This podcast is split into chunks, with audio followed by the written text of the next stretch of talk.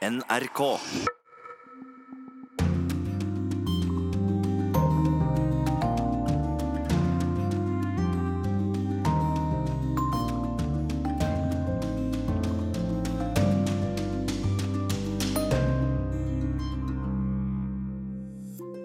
Demonstranter er på plass når verdens mektigste demokratier, G7-landene, er samlet til toppmøte. President Donald Trump ønsker Russland inn i varmen, men de andre medlemmene i G7 sier nei. Etter 30 år med militært styre har Sudan fått en diplomat som statsminister. En tidligere norsk statsråd har vært sjefen hans. I kjølvannet av metoo kan menn få bot for å plystre etter kvinner på gatene i Frankrike. Feminister er uenige om loven som skal stanse seksuell trakassering er bra. Fatima Ben Omar er også kjent feminist og leder rørelsen Lizzie Fronti, Tøffingene.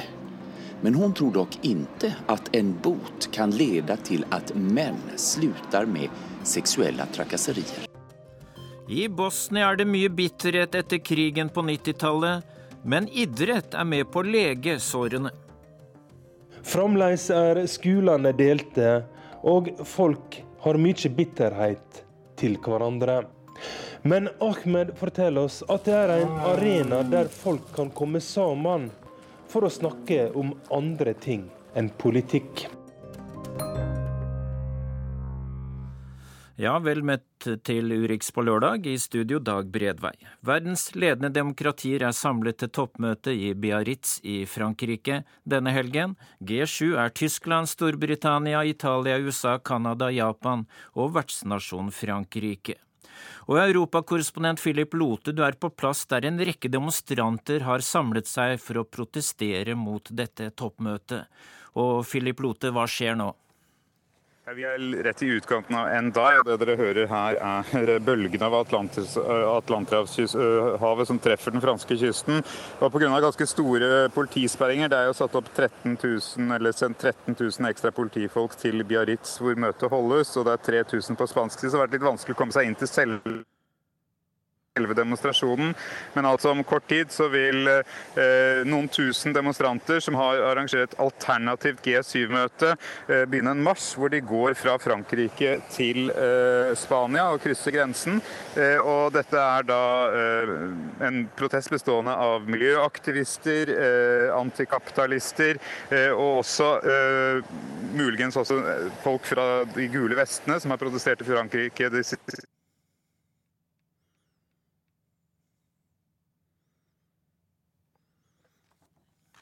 Ja. Eh, vi skal forsøke å få kontakt eh, direkte med Philip Lote om litt. Eh, vi kjører videre, og det skal fortsatt handle om G7. For USAs president Donald Trump tok tidligere i uka til orde for å slippe Russland inn i varmen ved igjen å utvide G7 til G8. Russland ble sparket ut i 2014 etter annekteringen av den ukrainske Krimhalvøya. Men både Merkel og Macron sier nei. Reporter Gro Holm har laget denne saken for oss.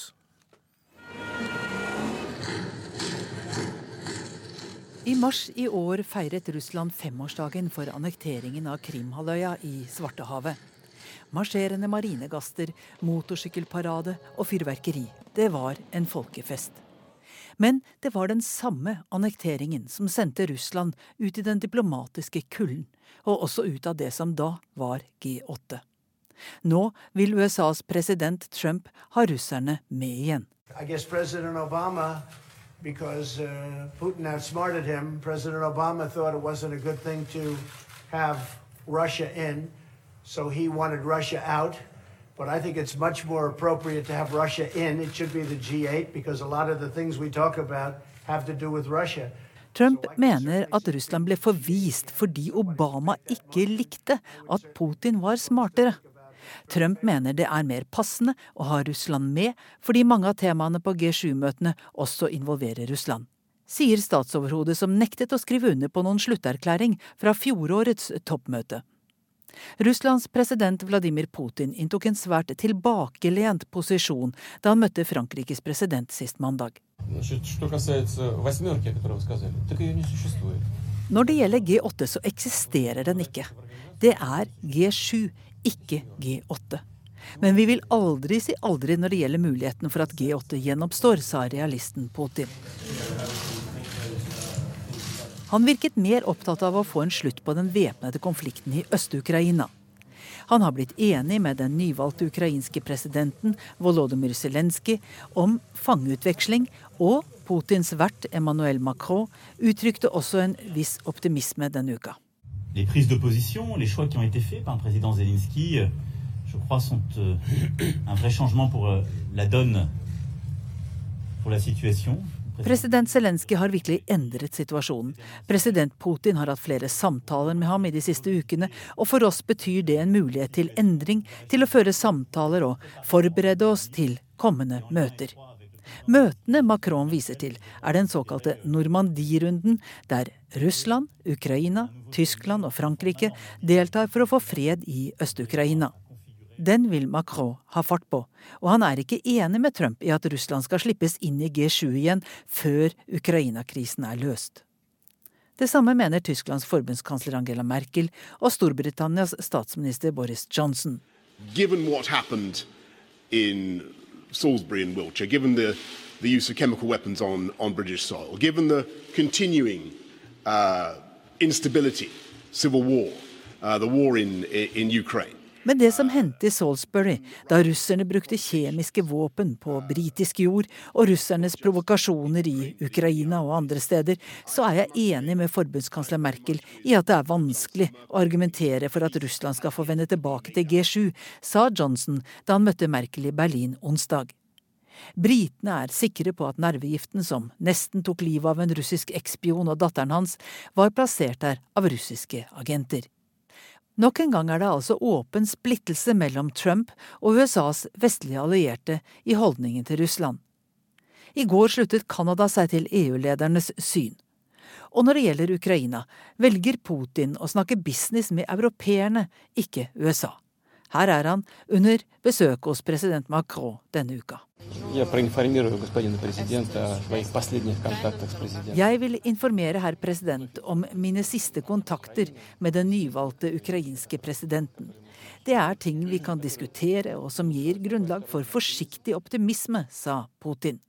Kanskje et tegn på at USA under Trumps ledelse er i ferd med å bli marginalisert i internasjonalt diplomati, i hvert fall deler av det.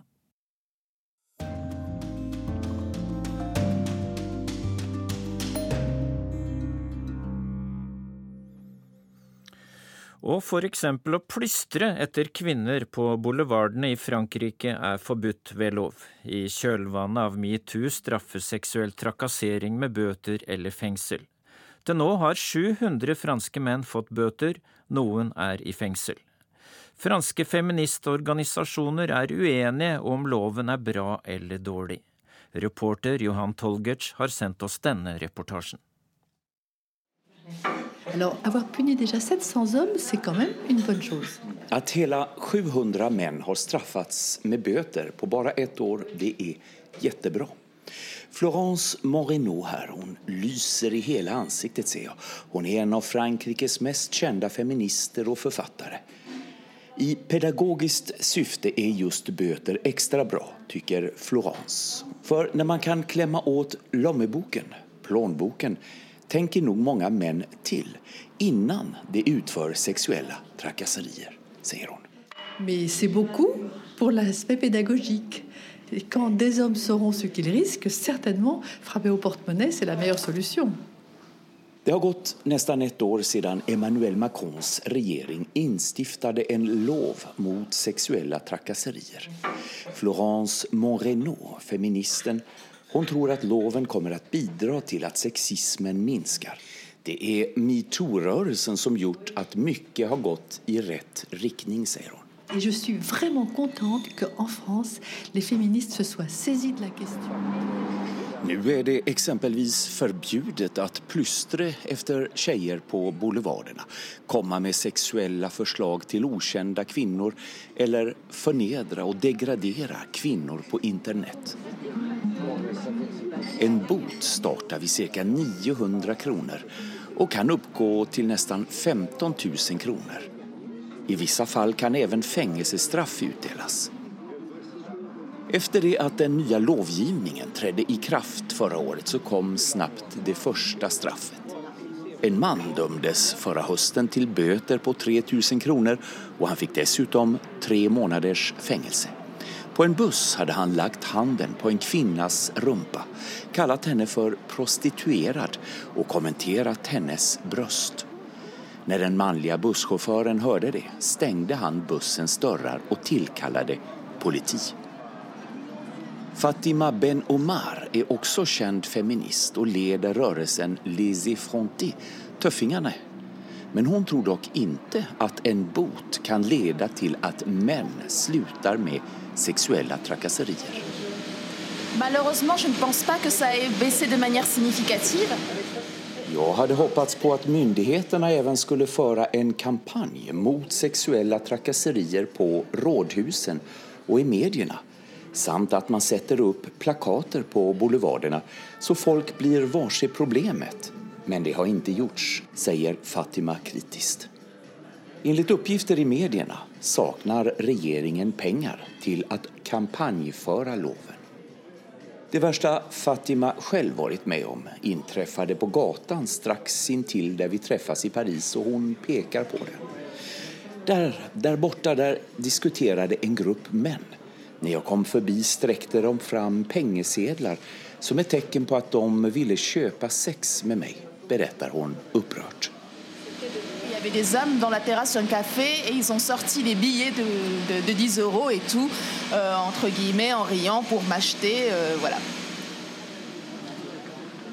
På Bastiljenplatsen i Paris stöter jag på Odile, högstadielärare, och Zoé, förskolelärare. De menar att det finns dock en rad enkla lösningar som kan bidra till att minska problemet. Och en av dem startar redan i skolan. Après, ce qui serait mieux, c'est de faire quand même de la prévention. Franska utdanningsministeriet kan på ett enkelt vis förstärka undervisningen för att få gutter och jenter att förstå i tidig ålder att kvinnor och män är lika värda, säger Odile Dès, dès le début à l'école. Déjà à l'école, donc il Déjà à faut... l'école. Je pense qu'il faut déjà intervenir à l'école pour montrer qu'il y a une égalité entre les hommes et la femme.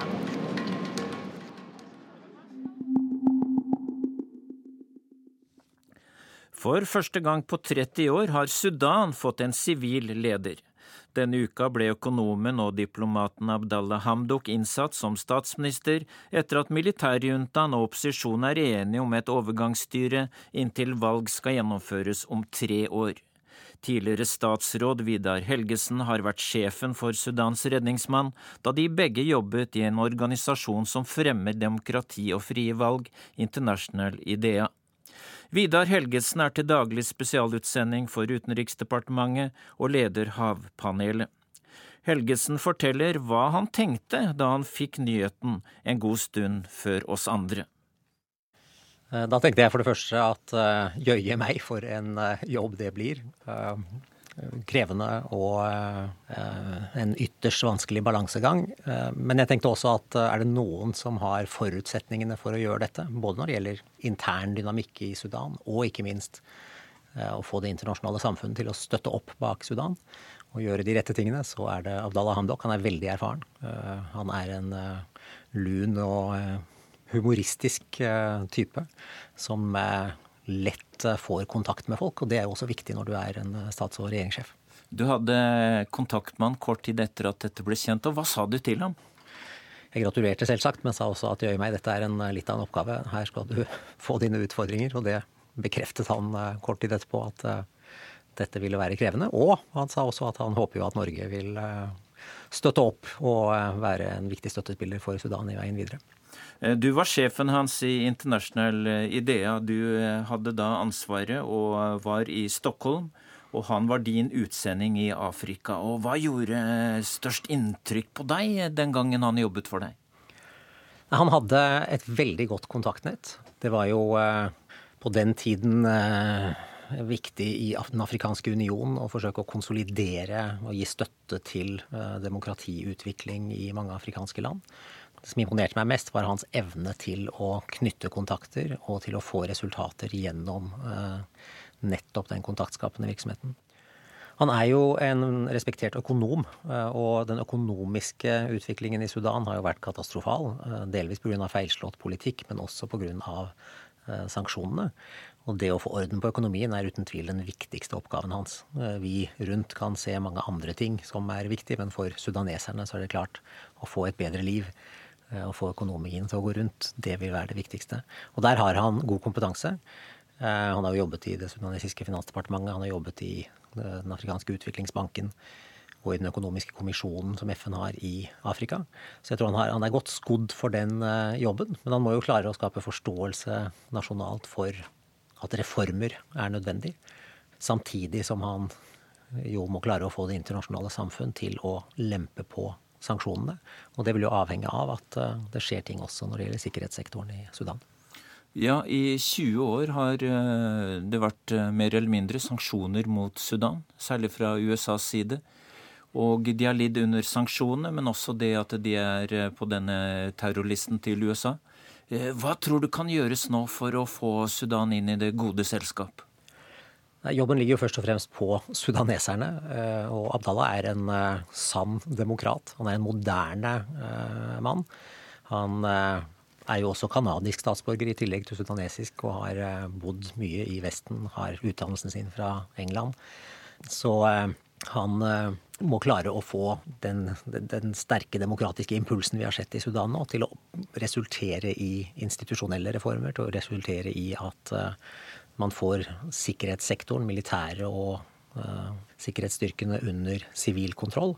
Og det er det jo mange som uh, spør seg om er mulig. De skal jo ha et et råd som skal sitte der med ganske sterk militær dominans.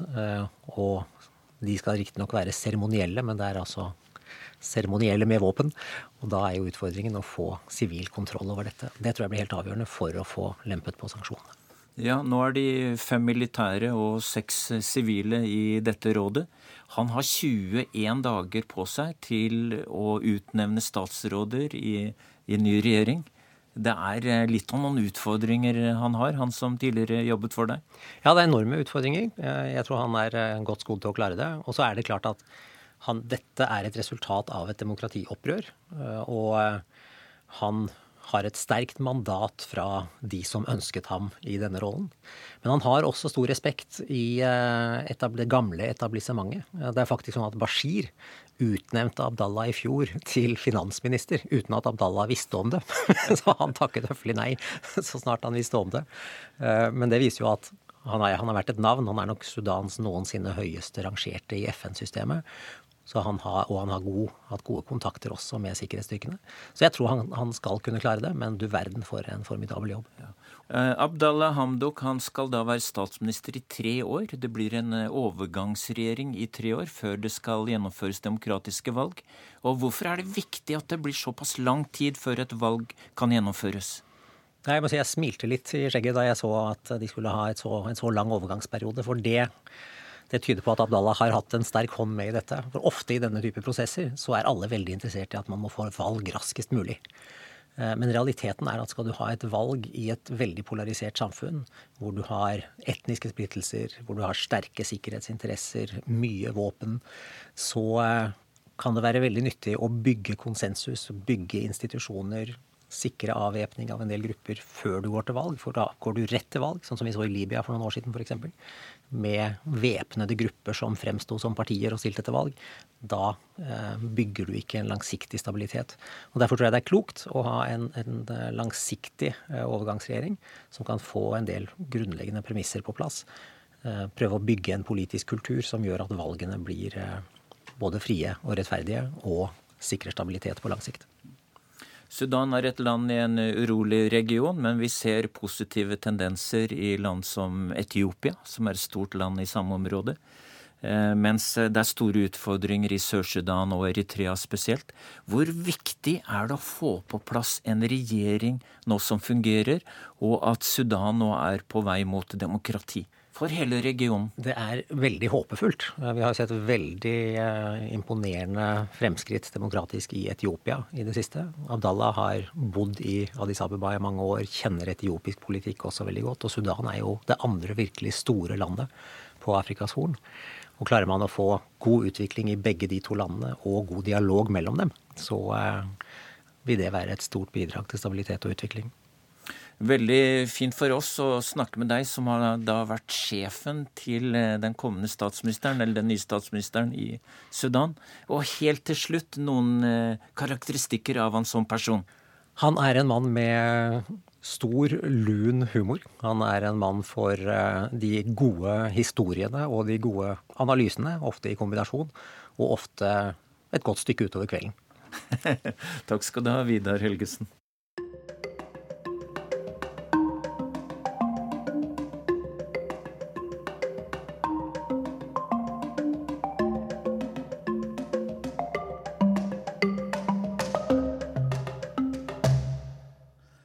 Klokken er straks 11.24. Dette er Urix på lørdag.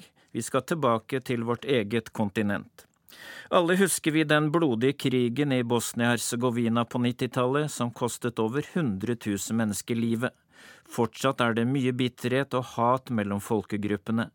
Men når det kommer til den populære sporten gigant oksekamp, eller corrida som det blir kalt, så fins det ingen etniske skillelinjer. Roger Severin Bruland har sendt oss denne reportasjen. Dette beistet skal snart i kamp. Over 700 kilo med muskler skal slåss mot en like stor motstander. Det er korrida i Bosnia, kamp mellom okser. Og stemninga er elektrisk.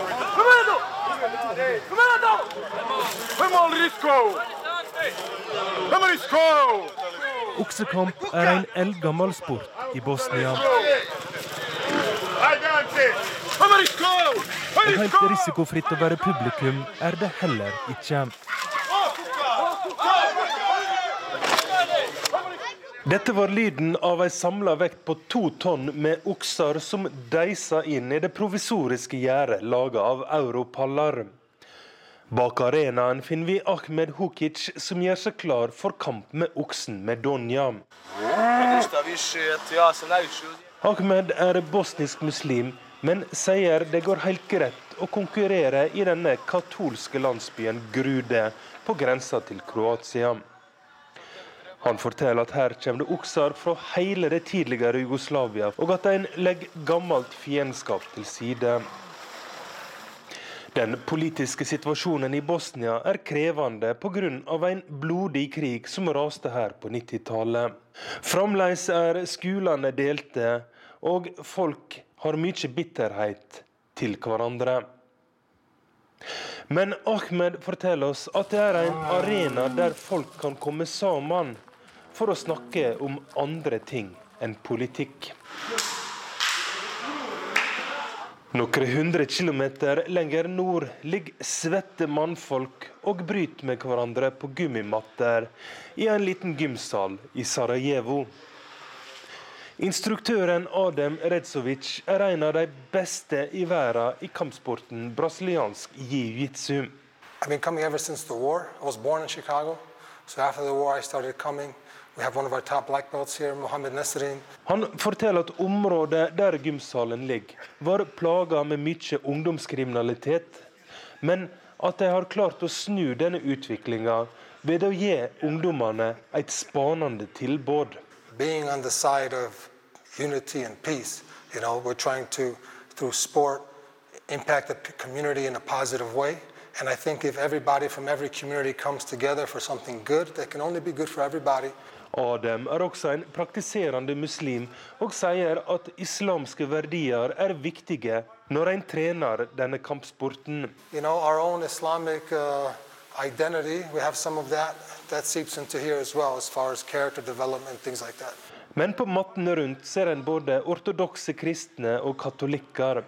Her kommer det folk fra alle samfunnslag advokater, dataingeniører og tidligere fengselsfugler med store tatoveringer. Og den viktigste verdien er at alle skal delta. Også NRK får ei runde med juling på matta. Ja, jeg har enough. Vi får trimma litt i Sarajevo òg. Tilbake i Grude er Ahmed Hukic og Medonia klar for kamp. De to oksene låser horna i hverandre og begynner å skubbe. Kampen bølger fram og tilbake. Men så klarer Medonia å stange motstanderen ut av balanse. Kampen blir straks avbrutt, og Medonia blir utpeka som vinner. Et år med trening er lønna med siger. Og bak i ølteltet kan festen begynne. En gammel mann flirer og ber oss om ikke å filme han fordi han har etterlyst i krigsforbryterdomstolen i Haag. Vi tror det er fleip, men er ikke helt sikre. Mobilnettet der G7-møtet går av stabelen i Biarritz i Frankrike er trolig overbelastet. Vi har ikke lykkes med å opprette ny kontakt med Philip Lote, som befinner seg blant demonstranter i området. Ukens korrespondentbrev er postlagt av USA-korrespondent Veronica Westrin. Temaet er rasisme i kjølvannet av den siste masseskytingen i USA.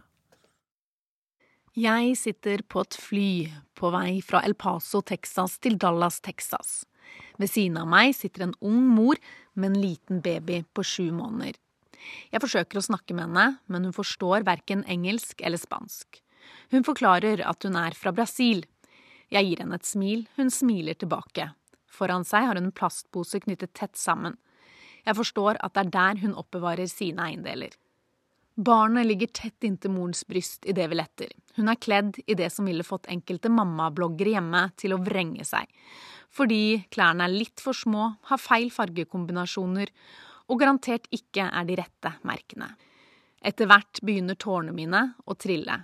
Jeg vet ikke helt hvorfor, jeg forsøker å tørke dem bort, tar på meg solbrillene, men klarer ikke stoppe. Jeg håper at eh, ingen ser. Hele tiden krøker den lille datteren seg inntil morens bryst. Helt stille, som om hun nesten ikke er der. Jeg er på vei hjem fra El Paso, byen ved grensa mot Mexico, etter å ha dekket masseskytingen der 22 ble drept. En av de mest dødeligste masseskytingene i USAs historie. Det var lørdag morgen, og familier strømmet til kjøpesenteret Walmart uka før skolestart fordi det var momsfri handel denne uken. Åtte av ti innbyggere i El Paso har eh, latinamerikansk bakgrunn. Mange meksikanere går også over den lille brua som binder de to landene sammen hver dag enten fordi de jobber i USA, eller fordi de reiser dit for å handle. Da jeg en dag gikk opp på et utkikkspunkt over de to grensebyene El Paso og Ciudad Juárez, slo det meg hvor tett sammensveiset de er, og likevel ekstremt forskjellige. I grensebyen på meksikansk side, Ciudad Juárez, var det i fjor over 100 drap i måneden. Elva Rio Grande slynger seg som en orm mellom de to byene. Når det er lite vann i elva, er det fullt mulig å krysse den gående her. Mange gjør det, i et forsøk på å ta seg inn i USA ulovlig. Andre stiller seg i køen foran grenseovergangen, dit jeg bestemmer meg for å reise, for å høre historiene fra dem som ønsker å bosette seg i USA. Flere jeg møter her, forteller at de reiser fra vold og fattigdom. De har ventet der i nærmere 40 grader i over 15 timer. Mange kommer med små barn, noen ikke eldre enn en måned og mange av dem har vært på en lang og farlig reise før de havnet her. Jeg vet at flere av dem kommer til å bli sendt tilbake til Mexico eller til sine hjemland. Det føles urettferdig at jeg så enkelt kan spasere forbi dem. I løpet av noen minutter er jeg tilbake i USA, fordi jeg har de rette papirene. Tilbake på flyet hjemover tenker jeg på hva slags reise de er på, den unge moren ved siden av meg og det lille barnet. Jeg lurer på hvor pappaen til barnet er om hun er helt alene på en reise i dette landet som i hundreder av år har tiltrukket seg mennesker fra en hel verden.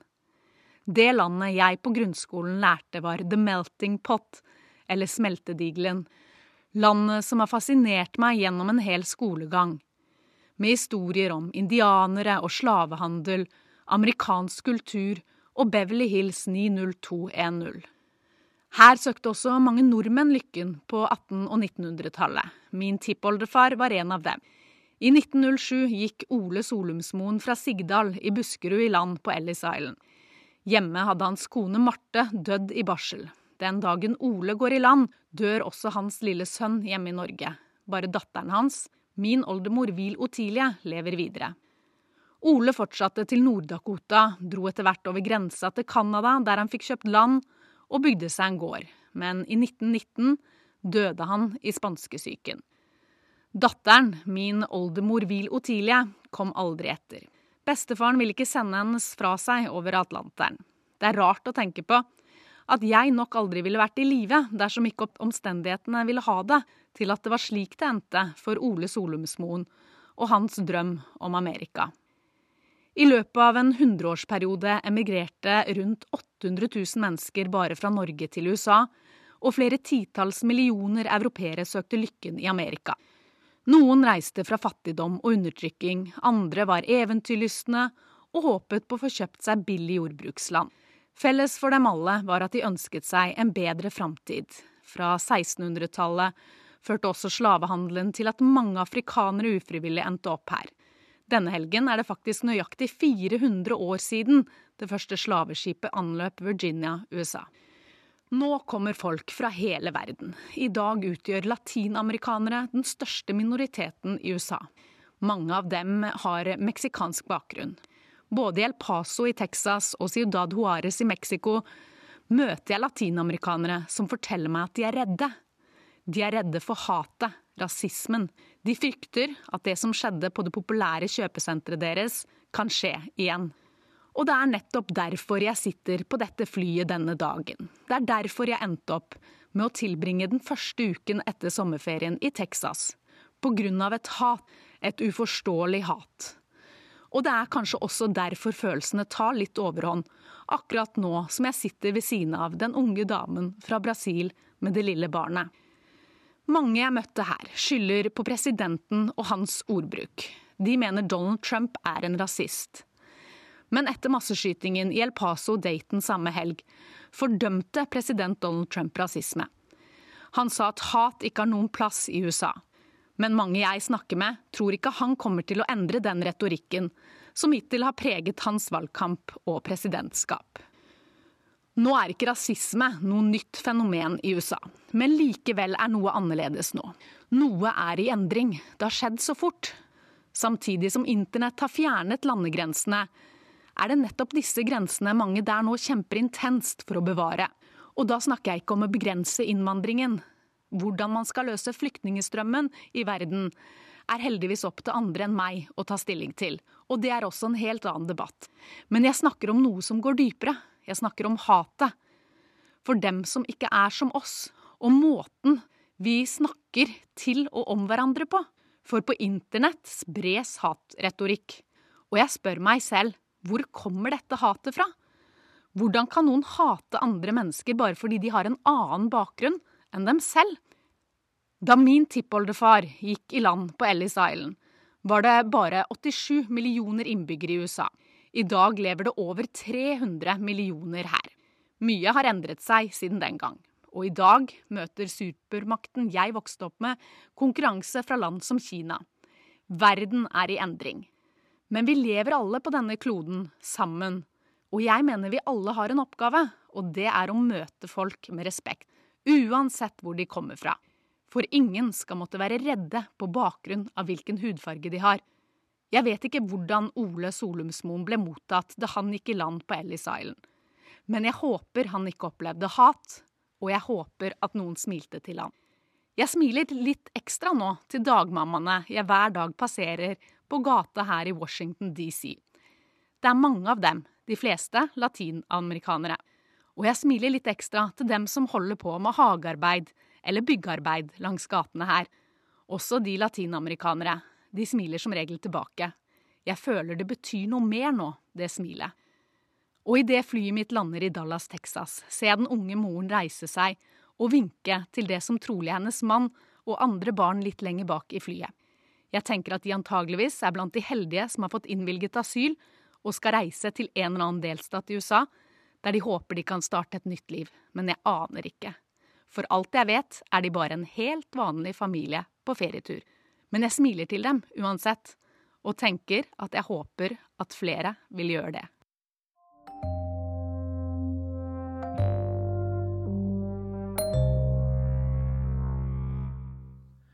Brasils kontroversielle president Jair Bolsonaro kommer til å få mye oppmerksomhet på G7-møtet på grunn av de voldsomme brannene i Amazonas. Podkasten Krig og fred handler om hvem høyrepopulisten som ble president i fjor høst er. Dette er en reprise fra i fjor høst. Jeg har liksom alltid hørt at Brasil en dag skal bli en virkelig demokratisk stormakt. Framtida alltid rett rundt hjørnet? Ja, at de liksom lengter etter framtida, den evige framtidas land, kaller de seg. Men tar jeg feil når jeg får inntrykk av at nå lengter de litt bakover også? Tilbake til Framtida? Eller fortida? Et salig kaos. Krig og fred. En podkast fra NRK Urix.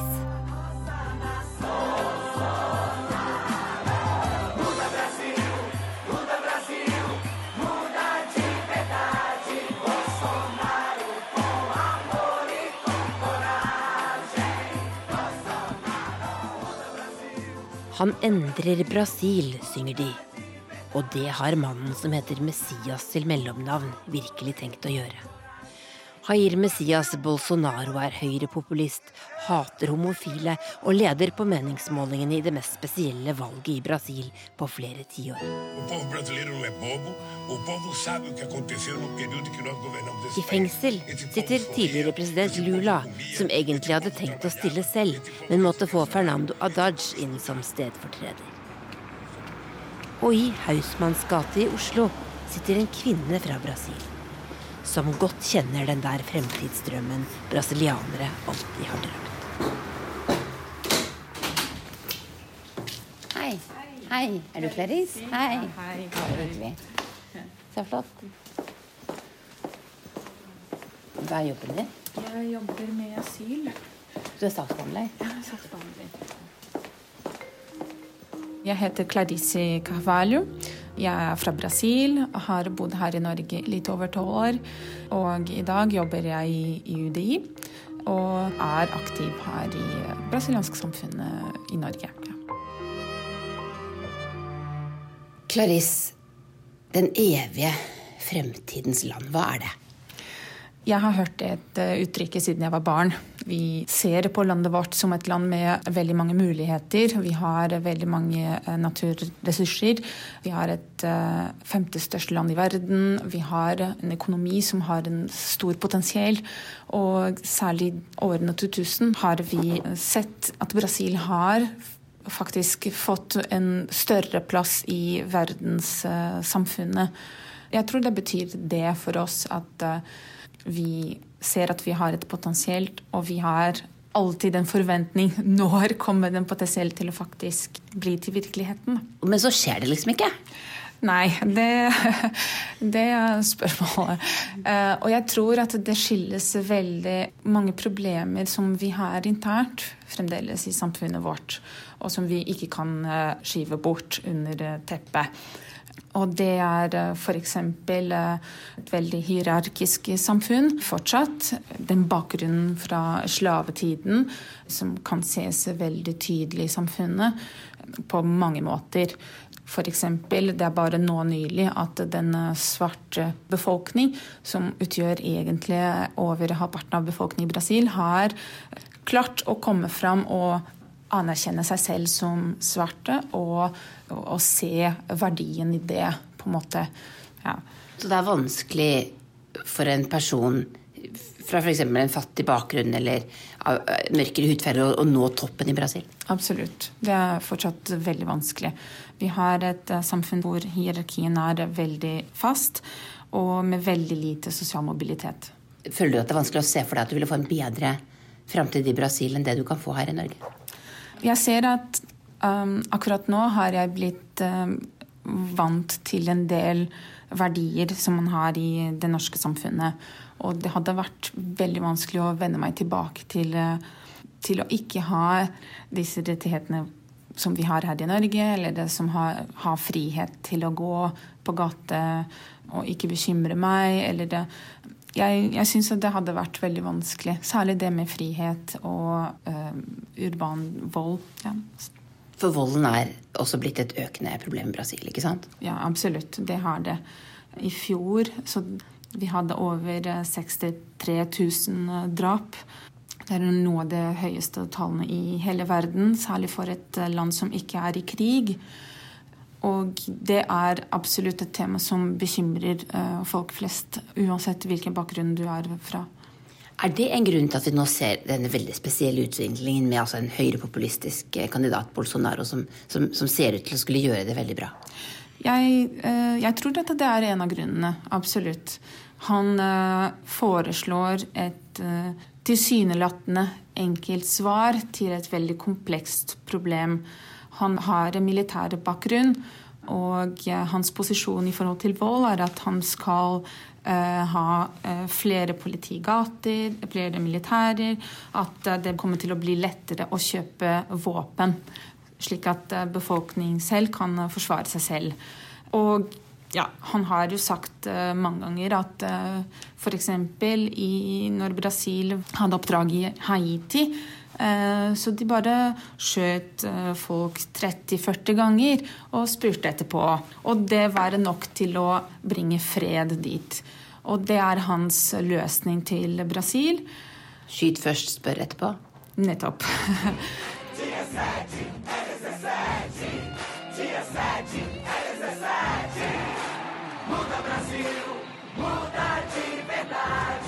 Eh, Bolsonaro har noen, noe som jeg vil kalle fascistiske trekk. Altså den herre voldsforherligelsen.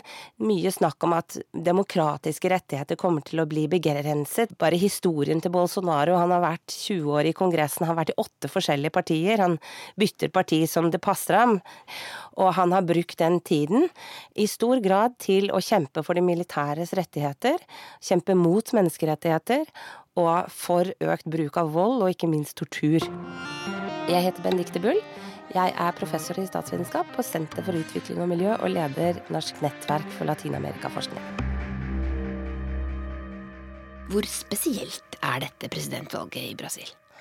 Det er veldig spesielt, og det dreier seg om hva som har skjedd i forkant først og fremst eh, voldsomme korrupsjonsopprullingssaker som begynte under president Lula, med den såkalte Mensalao-saken, som viste at man hadde betalt jevnlige kongressrepresentanter for å stemme på sin side. Så kommer hele Lavajato, altså bilvasksaken, eh, som ruller opp milliard, i hvert fall million korrupsjonssaker mellom statlige myndigheter og de statlige selskapene og private aktører. Og det har jo fått konsekvenser langt utenfor Brasils grenser, med kjempeselskap selskap på Odebrecht.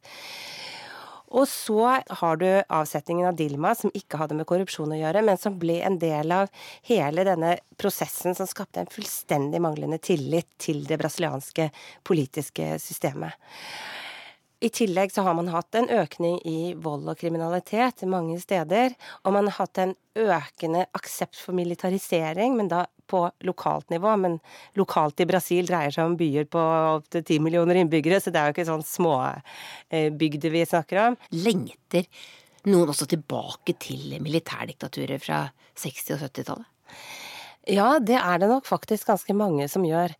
Og eh, det er nok den her tanken om at militærdiktaturet brakte mange goder til Brasil, den er jo ikke helt ny, og den skriver seg fra før denne totale tillitskrisen. Militærdiktaturet i Brasil, det var en periode med sterk økonomisk vekst, industrialisering eh, og modernisering av økonomien på mange felt. Iallfall fram til 80-tallet, hvor mye raste sammen. Og man hadde en annen orden. Det var jo også eh, enorme klasseskiller. Det var en segregering av de fattige, de fargede og urfolk, og ekstremt mannsdominert samfunn. Men de som da ser tilbake på eh, den økonomiske veksten framgangen, de lengter tilbake til eh, diktaturet. Og det har vi sett på meningsmålinger gjennom mange år, at eh, noen av de eh, Altså Brasil er det landet, i tillegg til noen sånn mindre land som aldri har hatt noen positive erfaringer med demokrati, er de som er mest tilbøyelig til å si at diktatur kan være å foretrekke i mange situasjoner. Så, så absolutt denne nostalgien finnes i Brasil. Dette er jo en enorm makt i Latin-Amerika, i Sør-Amerika. Eh, hvilken signaleffekt vil det ha dersom eh, Brasil går så langt eh, mot høyre nå i resten av regionen? Jeg tenker det er noe som bekymrer meg veldig, fordi at eh, denne ekstreme høyresida um, har ganske tette bånd på tvers av landegrenser. Eh, og den er styrket allerede i ganske mange land. I Chile fikk du ved forrige valg for første gang siden demokratiet kom tilbake i 1990, en kandidat som åpent støtter Augusto Pinochets ekstremt brutale diktatur. Og i andre land ser du også at disse figurene eh, på en måte dukker opp igjen.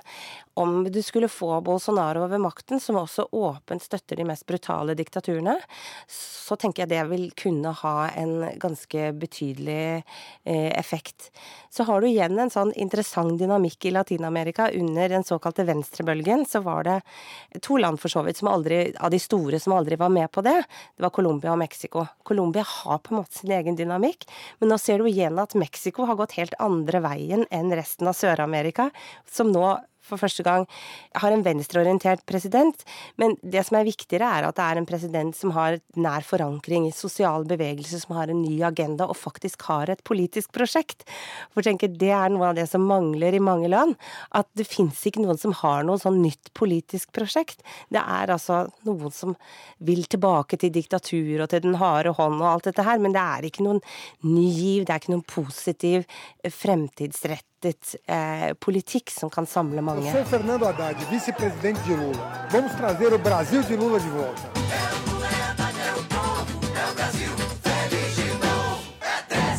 Jeg har ingen eh, problemer med å føle meg som en brasilianer eh, sammen med folka her.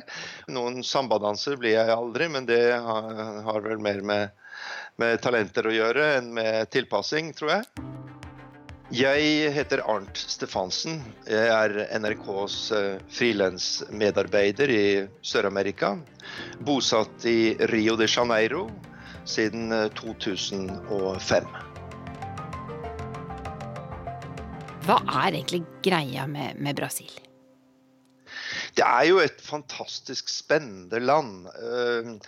Utgjør halvparten av eh, landområdet og halvparten av befolkningen i Sør-Amerika. Eh, har enorme naturressurser. Dyktige, hyggelige innbyggere. Et fantastisk flott klima. Det er et land som det er lett å bli glad i, men også et land som det er lett å bli skuffet over. Vi har hørt i år og tiår om store Brasil, som er en stor makt i verden, også økonomisk, og hvordan Brasil skulle komme susende og bli mye viktigere i, i verdensøkonomien. Begrepet det evige fremtidens land er et begrep som har blitt brukt. Hva, hva bygger det på? Det er et uttrykk som oppsto på 1950-tallet etter at Brasil hadde opplevd en, et forsmedelig nederlag i eh, verdensmesterskapet i fotball her i Brasil. Man hadde satt et veldig håp til at Brasil skulle komme inn i den første verden. Man hadde hatt en kraftig økonomisk vekst etter den annen verdenskrig. Så kom det til nederlag i fotball som ble et slags symbol på at nasjonen ble ydmyket. Man hadde snakket mye om at Brasil var fremtidens land, og nå var fremtiden veldig nær, osv. osv. Og så kom da denne nedgangsperioden som resulterte i en slags sånn nasjonal depresjon. og, og dette ut uttrykket 'det evige fremtidens land' ble på en måte en slags eh, eh, overskrift på hele denne litt begredelige utviklingen som Brasil oppnådde på 1950-tallet. Nå kan man jo godt si at uttrykket fortsatt er aktuelt, fordi fortsatt har jo ikke Brasil kommet inn i denne førstedivisjonen økonomisk og politisk som de har drømt om så lenge. Man var jo veldig nær i denne Lola-perioden fra 2002 til 2010 med veldig økonomisk vekst, sosial utjevning, eh, en, en, en viktigere rolle i verdenspolitikken. Man fikk OL og VM osv. En voldsom optimisme. Og så plutselig kommer det et voldsomt uh, tilbakeslag. Og der er man nå. altså Man har ikke oppnådd disse målene denne gangen heller. Så uttrykket 'det evige fremtidens land' er dessverre fortsatt uh, aktuelt. Brazil's current and former presidents, at least two other former South American leaders, and key members of Brazil's business elite are now making the adjustment from billionaire lifestyle to a life behind bars. En annen ting vi hører mye om når det gjelder Brasil, det er jo korrupsjon. Hvordan merker man det i dagliglivet? Jeg merket det fra første øyeblikk jeg kom hit. Eh, mine første dager i Brasil gikk med til å sitte nede på havna i Rio og vente på å få ut flyttelasset mitt. Jeg hadde nemlig nektet å bruke en såkalt despachante, som betyr vel en ekspeditør, men som også er den klassen av mennesker i Brasil som befinner seg mellom kunden og byråkraten, altså for å dekke byråkraten, eh, slik at eh, han eller hun ikke skal bli avslørt eh, for korrupsjon. Og det er veldig vanlig at man bruker den type tjenester. Man betaler en helt ublu pris, men man får i hvert fall tinga sine. Og jeg hadde da tenkt at dette orker ikke jeg. Og så gikk jeg ned alene, og da møtte jeg veggen totalt. Holdt på i dagevis og kranglet med forskjellige kontorer for å få ut flyttelasset mitt. Og det er et sånn typisk eksempel på at uh, korrupsjon griper inn i alle sider av hverdagen.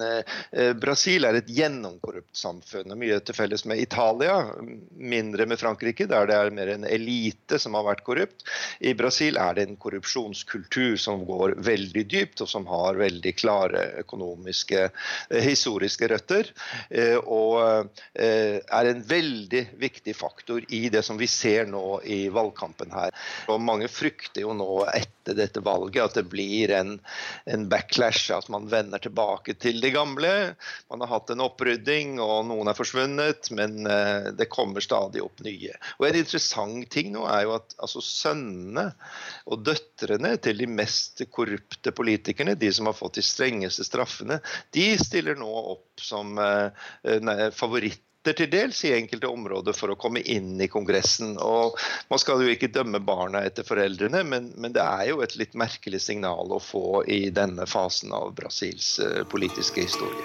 Não posso mais, que saudade do Brasil, é que vontade que eu tenho de voltar. Deus América, essa terra é muito boa, mas não posso ficar porque Hva eh, må skje med Brasil for at det skal bli fremtidens land? Hva, hva, hva, skal til, tror du, for at unge brasilianere skal få en helt annen mobilitet og andre muligheter, og virkelig bli en del av en økonomisk stormakt? Jeg tror at vi trenger en uh, vesentlig endring som ikke kommer til å eh, komme nå. Det kommer til å ta veldig, veldig mange år. Vi må inkludere de i laveste delen av samfunnet, eller de med lavere utdannelse og lavere inntekt, må faktisk eh, få reelle muligheter til å komme seg opp i stien mer mobilitet, mindre eh, forskjeller, mindre ulikheter i landet. Det er jo vesentlig for at vi skal eh, klare dette og få eh, til Brasil til en stormaktsposisjon. Hva savner du mest hjemmefra? Av stranda. Ja, eh, men jeg savner også eh, kulturen. Det er eh, helt nydelig hvor musikalsk vi er. Eh, og eh, jeg tenker på noe min far skrev nå nylig på hans Facebook. At han hørte på bossa nova og tenkte på hvor fantastisk Brasil var en gang jeg tror at jeg savner det. Jeg har litt nostalgi på eh, den tiden, om den tiden fantes uh, Fordi det er, for veldig mange i Brasil fantes den aldri. Og det er også viktig å huske. At uh, um, for veldig mange i Brasil handler livet om å skaffe mat til barna sine hver eneste dag. Det er det som har fokus. Eh, så som sagt, jeg er veldig privilegert av å komme fra eh, middelklasse og kunne drømme om strand ved å høre bossanova. Men ja, hvorvidt den Brasil er reelt for alle, det er et spørsmål.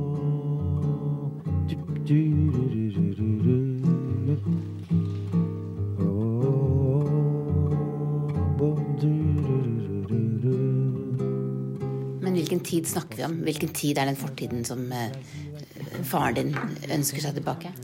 Ja, jeg tror Eh, jeg tror at han snakker sikkert om sånn 70-tallet og, og, sånn. Selv om ja, man, det var jo under militærdiktatur. Man skal spørre seg også hvor fredelig og fantastisk den tiden var. Er det den evige fortidens og ikke framtidens land, kanskje? Det høres veldig negativt ut. Nei, men det, det høres jo ganske fint ut. At, ja, det at vi har vi har et, eh, et, ord på portugis som heter saudade. Det nærmer seg den betydningen av nostalgi, men det er ikke helt det. Og for meg, bossa nova, eh, den bossa nova-musikken, den um, representerer veldig godt den følelsen. Og det, da kan vi kalle også en sånn nostalgi for en tiden som aldri var. Samtidig som vi er et fremtidsland av en fremtid som kommer aldri. Krig og fred. Podkast fra NRK Urix. Reporter Tove Bjørgaas sto bak podden om Brasil. Urix på lørdag er slutt. Ansvarlig for sendingen Lisbeth Sellereite, Emra Senel og Dag Bredvei.